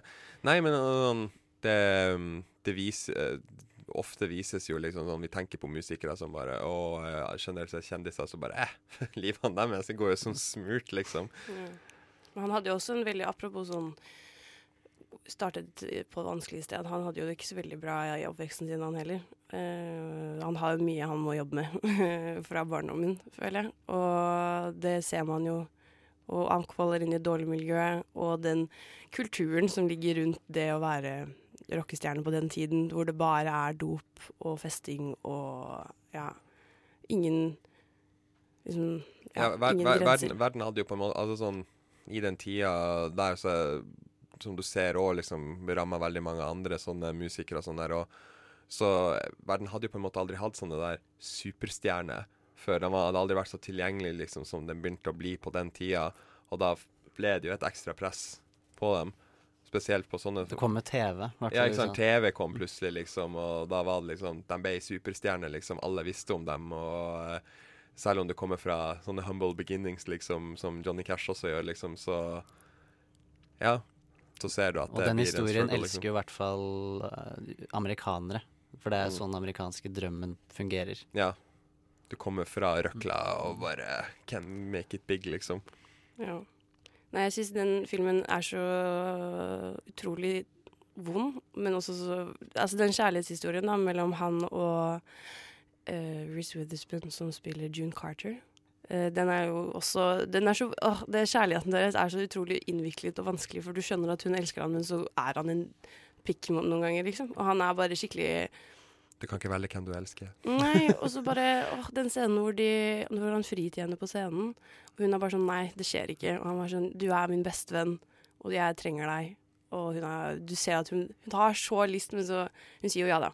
Spoiler. Men hun likevel den åh, det er så, det- Reece Witherspoon er også kjempeflink i den uh, Hun vinner også Oscars for den, tror jeg. Ja. Uh, det var litt synd at han ikke gjorde det, egentlig. Ja, det er sant. Jeg syns han gjorde bedre rolle enn det hun gjorde en rolle. Nei, ja, han, han, gjorde, eh, han gjorde ikke filmen alene, men ga damn. Ja, ga det. Men uh, du snakket om følelsene i filmen ga deg. Den filmen er en sånn film som gir meg så mye følelser. Jeg får en sånn blanding av å bli en sånn blanding av å bli kjæreste-emo, veldig lei meg, og hangover. Sånn Kjæreste-emo. sånn, Ja, nei, men det er jo en veldig sår film, og det er jo bare fordi at livet, til, sånn, livet til Johnny Cash er jo jævla sårt. Altså, og det er jo det han Altså, sangen han har laga 'Hurt', liksom, er Jeg jo gråter hver gang jeg Ja, ja, ja. nitrist, liksom, og det, det er litt de følelsene. Jeg, jeg skjønner hva du mener. Mm. Den gjør, gjør, deg, gjør deg litt emo, den, eh, den filmen der, for du bare sånn Å, det her var jo bare fælt. Øh. Han er jo nesten grunnleggeren av emo. Har, har du hørt musikken han lagde etter kona døde? De siste sangene. Det er jo bare Det, er vel, det burde vært definisjonen av emo-musikk, ikke den der rockemusikken. eh, Nei, og, det er så, og han bare gikk i svart. Den der Ja. black. Og det er den, Johnny Cash er Jeg vet at jeg syns at noe country kan bli litt ille. Uh, og det er ikke Ja, men det er bare sånn her Oh, my truck og øl og My truck. Ja, men det er sånn de snakker om pickup trucks og sånn da, da er jo country dritt. Men uh, ja, det er kanskje det samme, jeg vet ikke. Uh, Men sånn, pappa elsker jo country og hører på sånn masse ting. Men Johnny Cash, det syns jeg er skikkelig bra. Jeg elsker Johnny Cash. Skikkelig god musikk, syns jeg. Mm. Og det, og det er jo nettopp eh, som vi snak, For å trekke tilbake til det du nevnte tidligere, Ludvig, med at eh, eh, musikken blir en karakter i seg sjøl. Og, og, og det er jo på en måte Her føler jeg at musikken er, er, er bare liksom sånn Hvis følelse kunne vært en karakter Ja. Så, ja. Og så og så gjenspeiler han jo stedet han er fra. Ja. Sånn sørstats eh, Det er på en måte hans kultur, da. Mm. Som han skyter ut. Men jeg tror det som også gjorde han så populær, var det også at musikken hans ikke snakker om sånn I wanna love you, men det er sånn Når jeg ble tatt av politiet og hadde pistol og tok masse heroin og kokain og sånne ting, når han er i det fengselet for eksempel, når han er sånn Jeg er en av dere. Jeg skjønner ikke hvordan jeg ikke er her. Han var liksom, super, liksom Han var så sykt ikke-country samtidig som han var det. Han var liksom det ekte ansiktet av country. Han er rapperen i country. Ja. Rapperen i country. Skikkelig G, Emo liksom. country. Emo country. Nå gir vi mange ideer til musikkprogrammene her på Nova. Kan, jeg vil gjerne ha en sending om emo country. Jeg syns jeg har vært eh, veldig innafor. Ja. Men eh, som sagt, den musikken er bare Og den forteller også hele den utviklingen hans. Da, hvordan han går fra liksom være litt sånn eh, jeg er kul og edgy, og så blir det sånn åh, nå det, går det ikke så bra. Ja, men, men det, det er liksom sånn um, Bare for å snakke litt om performancen til, ehm, til Joaquin Phoenix i filmen, så, eh, så har jeg lest liksom at mange andre så drar fram at han er utrolig flink til å vise begge de to sidene. Alt fra de, de eh, eh, Hva skal man si De mørke og helt knusende lav, eh, lavpunktene liksom til Cash. Helt opp til den der larger than life og uh, whoopity fucking do, jeg er verdens største stjerne-attituden, på en måte. Ja. Men apropos sånn, det vi snakket om i stad, med at eh, Vi snakket jo om det at sønnen hans har jo lag, har vært executive producer på denne filmen. Og det har vært litt eh, drama, fordi eh, han er jo sønnen til Cash og uh, June Carter, som er som kjærlighetshistorien deres. ikke sant? Men han fikk jo også to barn med sin første kone Vivian. Og de er også jo, det er det. Det virker nesten ikke som de gjør det. Fordi de har jo faktisk sett filmen, og de var sånn Hva faen er det her for noe? Fordi hun Vivian blir redusert til sånn dritskip eh, summer fling, liksom. Og det er sånn hun, hun ene datteren har tror jeg gått ut Hun har, tror hun har vært på screenings fem ganger og gått ut midt i Da, hver gang. da, da, gjør du, det- da gjør du det bare på trass for at du er sur at du ikke er famous. Det var litt sassy, han som har laget nå. Da han var sånn Ja, men dette er kjærlighetshistorien om mine foreldre. Ja, men ville du ha laga det om liksom om eksen til far din, liksom? Nei, men han åpenbart så elsket jo Johnny henne av en eller annen grunn. Så Ja, ja. Det, du, du elsker mange folk i løpet av livet ditt, liksom, men hvem som er liksom Ja, men altså, det her, med, det, det her er gen, genuint, mener jeg. Altså sånn De følelsene som liksom vises mellom dem to, på en måte Hvis det er det som liksom han føler var liksom farens eh, big love, liksom, på en måte, så Du kan jo ikke ta med alle nicks and crooks and crannies, liksom, fra, fra kjærlighetslivet til han, liksom. Nei. Det er ikke nødvendigvis det som definerer liksom musikken, da. Inn, eh, som Johnny Cash skrev, liksom kanskje For den blir jo mye influensert av, liksom, etter som du sa, etter at hun daua, liksom. Så ble jo det bare nitrist og, og jævlig, og gikk bare i svart og sånn der. Og det vises jo liksom med at Ja, det viser det, det følelsesmessige eh, spekteret til karakteren. det er sant. Mm. Men eh, andre sånne filmer som handler om litt sånn knuste artister, så har dere sett eh, Cadillac Records? Nei. Er det, det med Beyoncé. Det, hø- ja, det, Beyoncé. det hørtes veldig country ut, skulle jeg til å si først, liksom. Det var en Cadillac, Nei, liksom. det handler om eh, Det er egentlig før Jeg tror det er før Johnny Cash sin tid. Fordi Eller kanskje ikke? Nei, etterpå? Jeg husker ikke. Wait, fall wait a minute, Her Beyoncé før Nei, Johnny det handler ikke om Beyoncé, men Beyoncé spiller i filmen. Oh, ja. Jeg bare Hva oh my god, det finnes ingen film om Beyoncé, tror jeg. Det burde det lage. Apropos ja, artister, det bør kommer. lages en film. Hallo, liksom. fem år, og det kommer kanskje ti. Garra. Se, det se for deg hvor juicy Hun spiller skikkelig seg selv. ja, ja, hun spiller seg sjøl, og jeg håper JC også spiller seg sjøl. Og bare sånn Destiny's Child som er bare sånn hater på alle de som er med, og bare 'Det var ingenting uten meg'. Uansett, hun spiller en karakter i Cadillac Records. Nå er jeg ikke helt forberedt, men den er også Da spiller Beyoncé en eh, artist som bare er helt sånn Hun har den vakreste stemmen og er liksom en utrolig god artist, men så er hun jo helt fucka på fritiden. Hun liksom kollapser og tar masse dop og Jeg tror det er det at det er disse filmene er veldig viktig å se at Johnny Cash kommer fra altså Han hadde det jævlig. Og det er det denne filmen prøver å si. At musik musikken kommer ikke bare fordi 'Å, jeg puttet noen ord sammen, hørtes greit ut', men det er fordi han, han lever gjennom sangene sine også. Og det er utrolig viktig å få med. Ja, og så virker det som han, som det gjør med en del musikere, egentlig, at han kunne ikke vært en sånn 9-4-jobb. Hvis han ikke hadde funnet musikken, så hadde han mest sannsynlig bare havna på gata. Ja. Og det tror jeg gjelder ganske mange som jobber med kunst. Ja. Eh, Så da blir musikken her redninga. Altså eneste grunn til at han har et hjem. han- liksom. Ja, ikke sant. Det, det blir eh, liksom Ja, hans hus og hjem, liksom. Det, det der uh, alt han er, på en måte, får spillerom, på en måte. Ja, og da, når da han kollapser, så blir jo det krise, da. Mm. Hvis han mister det, så mister han alt, på en måte. Mm. Uh, men altså, apropos sånne filmer der de liksom blir uh, bare, for å, bare for å ta en liten digresjon når vi først er inne på det, så der liksom musikerne ikke blir depikta så veldig nødvendigvis så veldig um, solskinnsstråler, holdt på å si. Det er jo The Runaways. Å, min favorittfilm da jeg var 15-16. Jeg tror jeg har sett den sånn Åh, der, 20 der, der ganger. våkna emoina til live. Kristen Stewart, oh my god! Hun er så fantastisk. Jeg faktisk, det, det er den filmen hun eh, er best i. Sånn since ever, liksom. Syns jeg. Ja, kanskje. Ja, jeg syns det. Mm. Bare fordi at eh, hun passer så til å være en sånn apatisk, ja, apatisk shitkid, liksom, som bare hater litt på ting, liksom. Det, det, hun kan ikke spille noe annet. filmen er så jævlig bra, og musikken er helt on point. Og hun som spiller eh, Dakota Fanning. Dakota Fanning. Fanning -hmm. også eh, Hun klarer også, Altså, jeg hadde bare sett den i Twilight før det her, og det er også Og så, du, så du den her etter Twilight? Men kom ikke den Hun er jo med i Twilight som hun derre onde vampyrdronningen, men det er vel før Runaways? Wow, wow, wow, nå må jeg Nei, i hvert fall. Hun er jo Hun spiller liksom klarere Det er som- faktisk det. Never mind, det er det. Twilight kom i 2008. Jeg Ja. glemmer hvor gammel den skittfilmen er. Mm.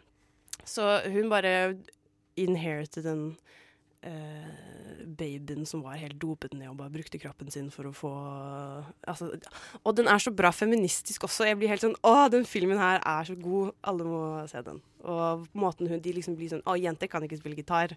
Men så Og det, det begynner på en veldig god måte. Med sånn Jenter, vi skal være kule og gjøre det menn gjør, men så ender det jo med at de bare bruker kraftene sine og blir Gjør, bli det de ikke skulle bli. Ja. Men eh, tilbake til Johnny Cash. med dobbel digresjon. Eh, altså sånn For å bare rappe det litt opp, da. Altså, eh, så vil jeg bare han, ha noen siste kommentar på det der med liksom musikken da i filmen. Hva, hva slags rolle den på en måte egentlig får da. Ja, det, det vil si det jeg har nevnt, da, det er hans levebrød. Mm. Det er hans uh, måte å kommunisere på. Mm. Det Kan vel si. Det er vel det, er det han har. Ja, ja det, det blir jo kanskje en sånn rød tråd i veldig mye av, det vi, uh, av de filmene vi har nevnt. altså Og det er kulturen hans. Ja. Og det, det som, som vidt jeg egentlig kan konkludere med nå på sparket, så er det jo det Musikken spiller ofte den rollen at det er Det blir deres escape, deres liksom sånn der Det her er sånn jeg kan komme meg noen sted her i livet, og uh, som gjør at jeg ikke går gal, på en måte. Alt fra Eminem til i trailerparken til uh, Savanten, uh, Wolf, nei, nei, Mozart og til Johnny Cash, liksom. At det blir uh, den interne strugglen uh, som bare får liksom utløp gjennom musikken, liksom. Konkluderer vi med at musikk uh, knuser folk, og at folk har det jævlig. Og det er derfor de er flinke musikere. Ja, Skal vi, skal vi tro på filmene, altså? ja. Jeg vil, jeg vil egentlig si det. Altså, alle musikere har det innerst inne jævlig. Hvis du ikke har det, så er du ikke en ekte musiker. I hvert fall ikke i film. Kriterier. Ja. Hardt, ass. Jeg håper altså, de klarer å ta med det videre. Jeg lurer på hvordan eh, den Bohemian Rhapsody blir, da. Fordi jeg vet ikke, han hadde jo det ganske hardt, han òg.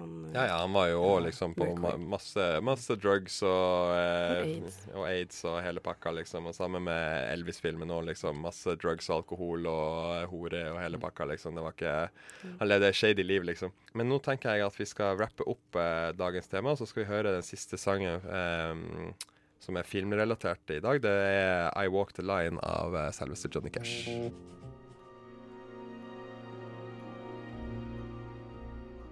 Ukens kinopremierer.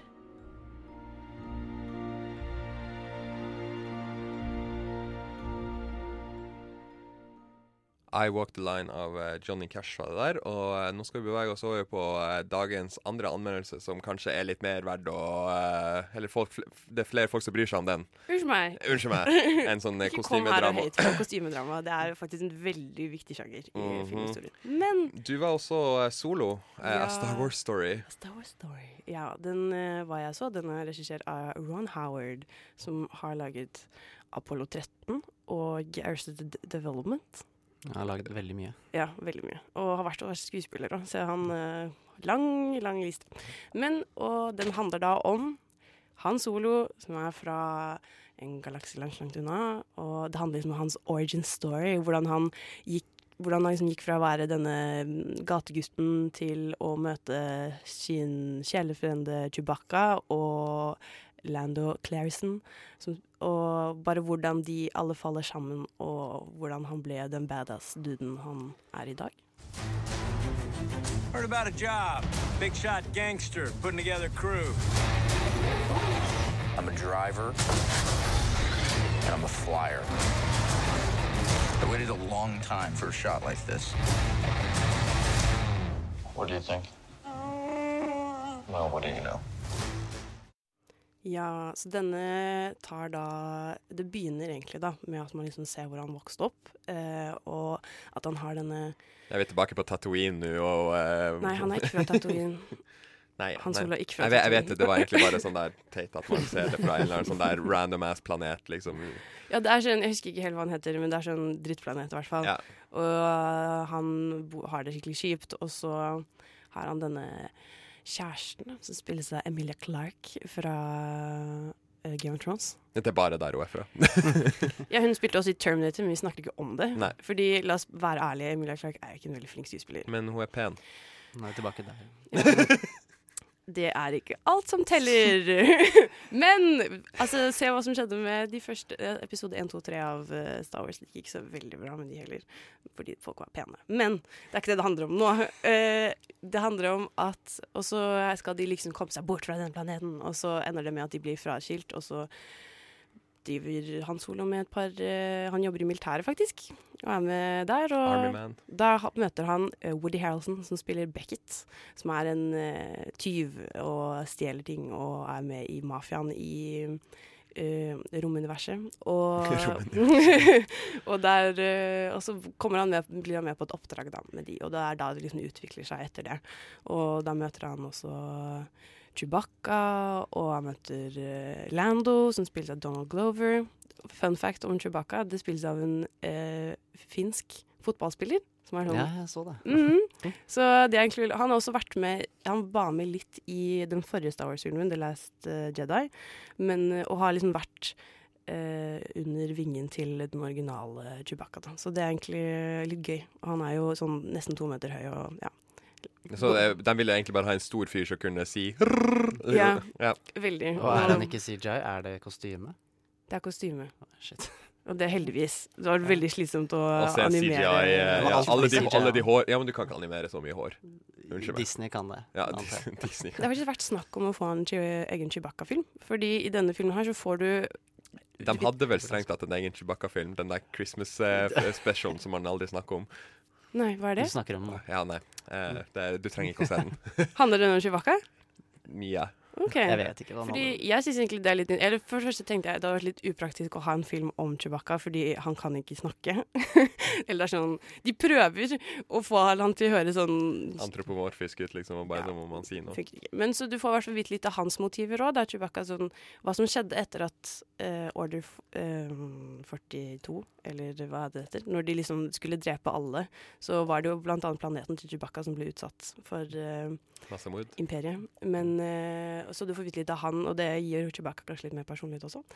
Men denne filmen er jo en av litt for mange filmer i Star Wars-universet. Eh, det er jo nummer to i sånn Star Wars-saga, eller sånn Star Wars, Star Star Wars Story. Story, ja. Forrige var jo Rogue One, som fikk eh, litt sånn mixed reviews. Men eh, denne Jeg sliter litt med å se relevansen til den, fordi jeg følte aldri at dette var Hans Solo sin film. Det er så mange karakterer. Det føles nesten litt som en sånn bok til filmadopsjon, at det er for mye å ta med, og for mye å fokusere på. Faller også han som spiller fra, uh, Han Solo litt sånn vekk, blant, med tanke på at du har ganske andre kjente fjes da, som kanskje stjeler litt mye oppmerksomhet?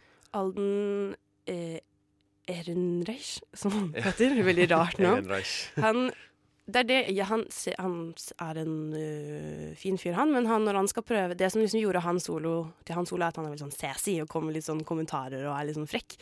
Og når Alden prøver på det, så funker det liksom ikke. Jeg blir litt sånn, Det ser litt stivt ut, og det slår ikke helt an. Jeg vet ikke om det var med vilje for å vise at han egentlig ikke er morsom, men sånn Jeg syns ikke at han en, var en ordentlig Den Han Soloen jeg hadde forestilt meg, da. Men nå har Harrison Ford sagt at han støtter han 100 da, og syns at dette er dritbra, liksom. Så Men må han egentlig ikke det, da? nei. Men han er vel enda under kontrakt med Disney sjøl, sikkert, så det er liksom sånn der. Kanskje. Men nå har jo Harrison Ford vært drittlei Star Wars i sånn de siste ti årene, så jeg tenker sånn det er jeg skjønner. Men uansett, jeg syns at Alden er en Han bare tar ikke nok plass, Nei, det, det, det er det jeg tenkte på. Altså, du er mot Daniel Glover, du er mot Emilia Clarke, du er mot Woody Mm. Harrelson. Liksom. Det er sånne navn som folk vet hvem er. Ja. Han der kommer der og bare whoopsie-do og Mm, så jeg syns ikke jeg, jeg følte ikke at han fikk nok plass. Og, eller han fikk nok plass. Men uh, uansett Men Vi ignorerer det pønnet. Så det syns jeg er veldig kjipt. Og så føler jeg altså at denne filmen har blitt litt sånn tilsidesatt av Disney. Uh, Den er lansert nå på sommeren. Jeg hadde kjempedårlige forventninger fordi jeg syns traileren var så dårlig. Jeg, jeg var så dårlig innstilt da, fordi jeg syns det har vært så dårlig uh, markedsføring av den. Og jeg har følt at den ikke har blitt så prioritert, da, sånn som de andre Ja, for alle andre. Tradisjonelt så kommer jo Star Wars-filmene ut i liksom typ desember og er liksom eh, vinterens store blockbuster, liksom. Mm. Og, Og nå skal de jo Jeg tror planen nå er at de kommer til å gi ut to Star Wars-filmer i året. En som er i hovedsagaen, og en som da er disse Star Wars Story-filmer. Det er virkelig nesten litt sånn, da, sånn at de alltid har, har kapital. Men ja. da mist, det er det jeg er litt redd for, fordi denne filmen var helt OK. Den var spennende. Den hadde Jeg hadde lyst til å se hva som skjedde, men det var ikke noe sånn Den varer i to timer og et kvarter, og jeg syns nesten det blir litt mye noen ganger. Og den er litt forutsigbar i hva som kommer til å skje. Eh, litt sånn, sånn plot twist og sånn ble litt sånn Å ja, OK, dette den kunne jeg gjettet for en halvtime siden, på en måte. Og den er jo litt sånn Det Star Wars ofte har preget seg på, eller sånn, fått mye kred for, det er at de har veldig mm, stilfulle filmer. Det er veldig pent. I hvert fall sånn Rogue One var kanskje ikke sånn den beste filmen, men den var veldig pen. Og lyset er fint. og liksom, ja. Den her var litt, nesten litt rotete og veldig sånn dunkel. Og den skal liksom prøve å være litt sånn dark, og så funker det liksom ikke helt. Så det syns jeg også var litt kjipt. At musikken er fortsatt kjempebra, åpenbart. men, ja, men, men det hadde litt sånn mer annet filmatisk preg på seg, liksom. Altså sånn cinematografien og hele pakka. Mm, det ble ikke like det var fint, Ikke, det var ikke Star Wars, liksom. Nei, det føles ikke Nettopp det at det ikke har blitt prioritert. Jeg føler ikke at det var nok eh, Kanskje ikke nok høyt nok budsjett, eller liksom gitt nok til det, da. Og jeg vet ikke. Det syns jeg var litt eh, Og da og det er det jeg siden var helt OK, og det er helt greit. Jeg kommer jo til å se den mange ganger, for det er Star Wars. Og fordi det er filmer som står meg veldig nært. Men jeg vet ikke helt hvor mange Ko- Kommer den her til å bli likt av Star Wars-fans? Det har jeg tenkt litt på. Fordi jeg har ikke, det har ikke kommet nok noe sånn mye informasjon om hvor eh, riktig den er i forhold til tegneseriene. For det er det The Last Jedi fikk veldig mye, eller sånn generelt de siste to i Star Wars-sagaen har fått kritikk for fordi de fucker med uh, tegneserieuniverset og finner på litt egne veier og sånn. Men Og jeg følte at denne den, De snakket mye om uh, det gangstermiljøet og det de klanene og de forskjellige gruppene da, i, uh, i, i universet. Så da jeg følte at jeg tenkte å, det er så gøy at de har med så mye detaljer om sånne ting. Men jeg vet ennå ikke om dette er helt true til tegneseriene. Nei. Eh, apropos budsjett, jeg bare tok og søkte opp her nå. Eh, den her hadde faktisk større budsjett enn The Last Jedi. Eh, den eh, so, eh, Solo hadde et budsjett på 250 millioner dollar, mm. eh, mens eh, Last Jedi hadde mellom 200 og 217 millioner dollar. Så ikke Mm. den aller største differansen, men Nei, OK, men da har vi kanskje brukt litt feil. Men ikke alle pengene til Woody Harrelson. Ja, ja, det er det. Kanskje, na- kanskje pengene har gått til et navn, egentlig, siden det er liksom en sånn litt sånn sidehistorie, så da måtte de liksom redde seg inn med å ha Ofte så er det navn Ja, som koster penger, ja. Ja, det er sant. Jeg tipper at liksom sånn så eh, Emilia Clarke er litt dyr nå bare fordi at Game of Thrones har vært en sånn braksuksess, liksom. Kanskje. Ja. Jeg syns fortsatt at dette var OK, og jeg kan tokle et par OK-filmer, men jeg vet ikke helt hvor mange til, fordi dette er planlagt å bli to til i Han solo-saga. Å, får vi enda en eller annen En mediocre trilogi. triologi, og blir det Hobbiten om igjen, bare i Star Wars-universet, Ja. liksom? Ikke bra. Og så kommer det jo uh, Han som lagde The Last Jedi, skal også få en ny trilogi selv innenfor Star Wars-universet. Eh, og det kommer jo enda en i sånn den siste Ja, den trilogien. siste trilogien. og så kommer det er jo snakket om at Lando skal få sin egen film, og det er liksom snakket om og en TV-serie. Og, og så kommer det jo sikkert Chewbacca til å få noe Ja, så de bare spyr ut. Så vi snakker jo om at dere kan forvente rolige Hvor mange år 10-12-15 nye Star Wars-filmer, da? It's time to stop. Jeg orker ikke dette lenger, faktisk. Noen, Nå- Kan dere ikke bare finne på egen science fictions eh, Ja, ja, men altså sånn Bare, bare en liten kommentar til det, da. Hvor skal det stoppe, liksom? sånn her, For at hvis vi skal finne på noe nytt, så er det litt sånn Ja, men hva da? Alt kommer til å bli sammenligna med Star Wars. Hva, Det er altså, synd. Ja, men det er sånn her, Du ser jo på liksom når de har prøvd å lage filmer av Star Trek, liksom, som er sånn her Ghost fra 70-tallet. Altså, det er sånn hva, hva blir det av de filmene? Meh, det, blir, den, ja, det var ikke like bra som Star Wars, og så bare avfeie folk flest liksom. Det handler om at folk lager dårlige filmer. Men jeg tenker sånn, science fiction er Det kan faktisk gjøre absolutt hva det vil. Og vi lever i en verden Eller vi har kommet med så mye filmer og underholdning at alt kommer til Alt, å bli alt bør være Blade Nei, Ja, men alt blir sammenlignet med hverandre nå. Det er Ja. ingenting som ikke kan Utenom sånn Wes Anderson, så er det ingenting som du kan si Står for seg selv, ja. Ja. Alt er inspirert eller eh, ligner på noe. Sånn til og med Guillermo del Toro sin eh, fiske, fiskekjærlighetshistorie blir, har blitt eh, saksøkt for plagiat tre ganger. Så jeg tenker sånn, Den er ganske basic, men likevel. Jeg tenker det, det er en dårlig unnskyldning å si at ja, men det finnes ingen andre Vi kan ikke lage uten at det blir eh, sagt at det ligner på Star Wars. Det er en dårlig unnskyldning, fordi det kommer ut science fiction-filmer som kan minne om Star Wars, men som fortsatt er gode filmer, og som kan lage sine egne universer. Stopp. Stopp. Ja, nei, det er jo vanskelig å kjempe mot en sånn stor koloss, men uh, jeg er litt enig i at det begynner kanskje å bli litt mye. Jeg vil gjerne se at denne triologien rapper opp, og vi får se hva jeg synes som solo sjøl. Ja. Men uh, mm, trenger kanskje ikke å bli så mye. Så Men jeg ender på uh, en seks av ti. en seks av ti. Så Den er helt OK. Helt OK, verdt å se, men ikke Jeg skal se den på nytt på søndag, så Ja, du skal det? ja, så, Men det, det bare sånn Bare for at den første visninga di var gratis, liksom? Ikke helt om Hadde du den, hadde du betalt for den to ganger? Nei. Nei. Det er vel egentlig det vi, eh, vi kan konkludere med der. Eh, da tenkte jeg også at vi skulle spille en sang for dere. Det er 'Memory' av eh, Fish. Der hørte dere 'Memory' av eh, Fish, eller Pish, for, som det egentlig skrives. Pish. Eh, I dag så har vi jo eh, fått vært igjennom ei lita suppe av eh, både et par anmeldelser, der du anmeldte um, sist nå å si solo av Wars Story, og så var det uh, The Generous uh, Library Nei, Literary and Potato Peel Society. Society! Society! Ja. Oh, jeg takler ikke kostymedrama utenom den. Det beste. Uh, men så har vi òg uh, ramsa opp eh, en del eh, musikkfilmer der eh, musikken har vært eh, nærmest en egen karakter i filmene og vært med på å male et dypere bilde av, uh, Av musikere. av musikere og historier bak dem og livet deres. Og, Hvor jævlig de har det. ja, for at vi har jo kommet fram til at alle musikere, hvis du ikke er et uh, miserabelt og depressivt geni som har, bare sliter med drugs og faenskap, så er du ikke en ordentlig musiker. Basert på disse filmene. Ja. ja det er en liten disclaimer der, men jeg mener det generelt.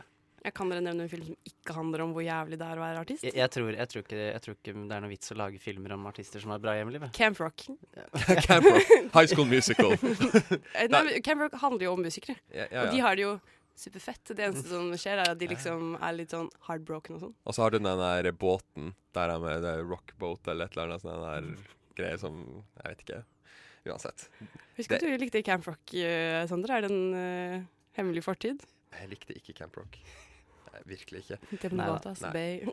Nei, men vi, vi snakka jo om uh, Eight Mile først, uh, og, som er, er min desiderte favoritt. Uh, og så dro vi jo det videre med Mozart, og fant ut at du var en skikkelig komponist, komponistnerd. Mm. Mm, du burde egentlig bare lage et eget musikkprogram. Og ja vi Jeg vet ikke hvorfor jeg oppsummerer det her sånn her nå på denne måten. Dere har hørt på sendinga, dere vet hva vi har prata om. Eh, Hvis ikke så er det for sent. Ja, hvis ikke så er det for sent. Altså, vi har eksamenstid, alle har lov å være litt eh, grøt i hodet nå. Eh, men dere har i hvert fall hørt på eh, Nova Noir. Eh, det har vært eh, to fine timer. Håper dere har eh, kost dere. Eh, ja, jeg skal i hvert fall tilbake til eksamenslesing, og eh, Jeg skal på Tusenfryd. Det er ikke lov, du er Kos for gammel. meg. Du er for gammel. Late som jeg er seks år igjen. Drop, drop out life. Ja, altså, du må gjøre noe med fritiden din. Ja, nei, Kos dere i sola. Kos dere for uh, meg og Ludvig og Ulrikke, som uh, har vært vår fantastiske, eh, fantastiske tekniker i dag. Med meg i studio her har jeg hatt uh, Ina Sletten og Ludvig Kvittil. Og jeg er Sondre Keus Lind. Og da sier jeg sayonara. Ha det. Ha det.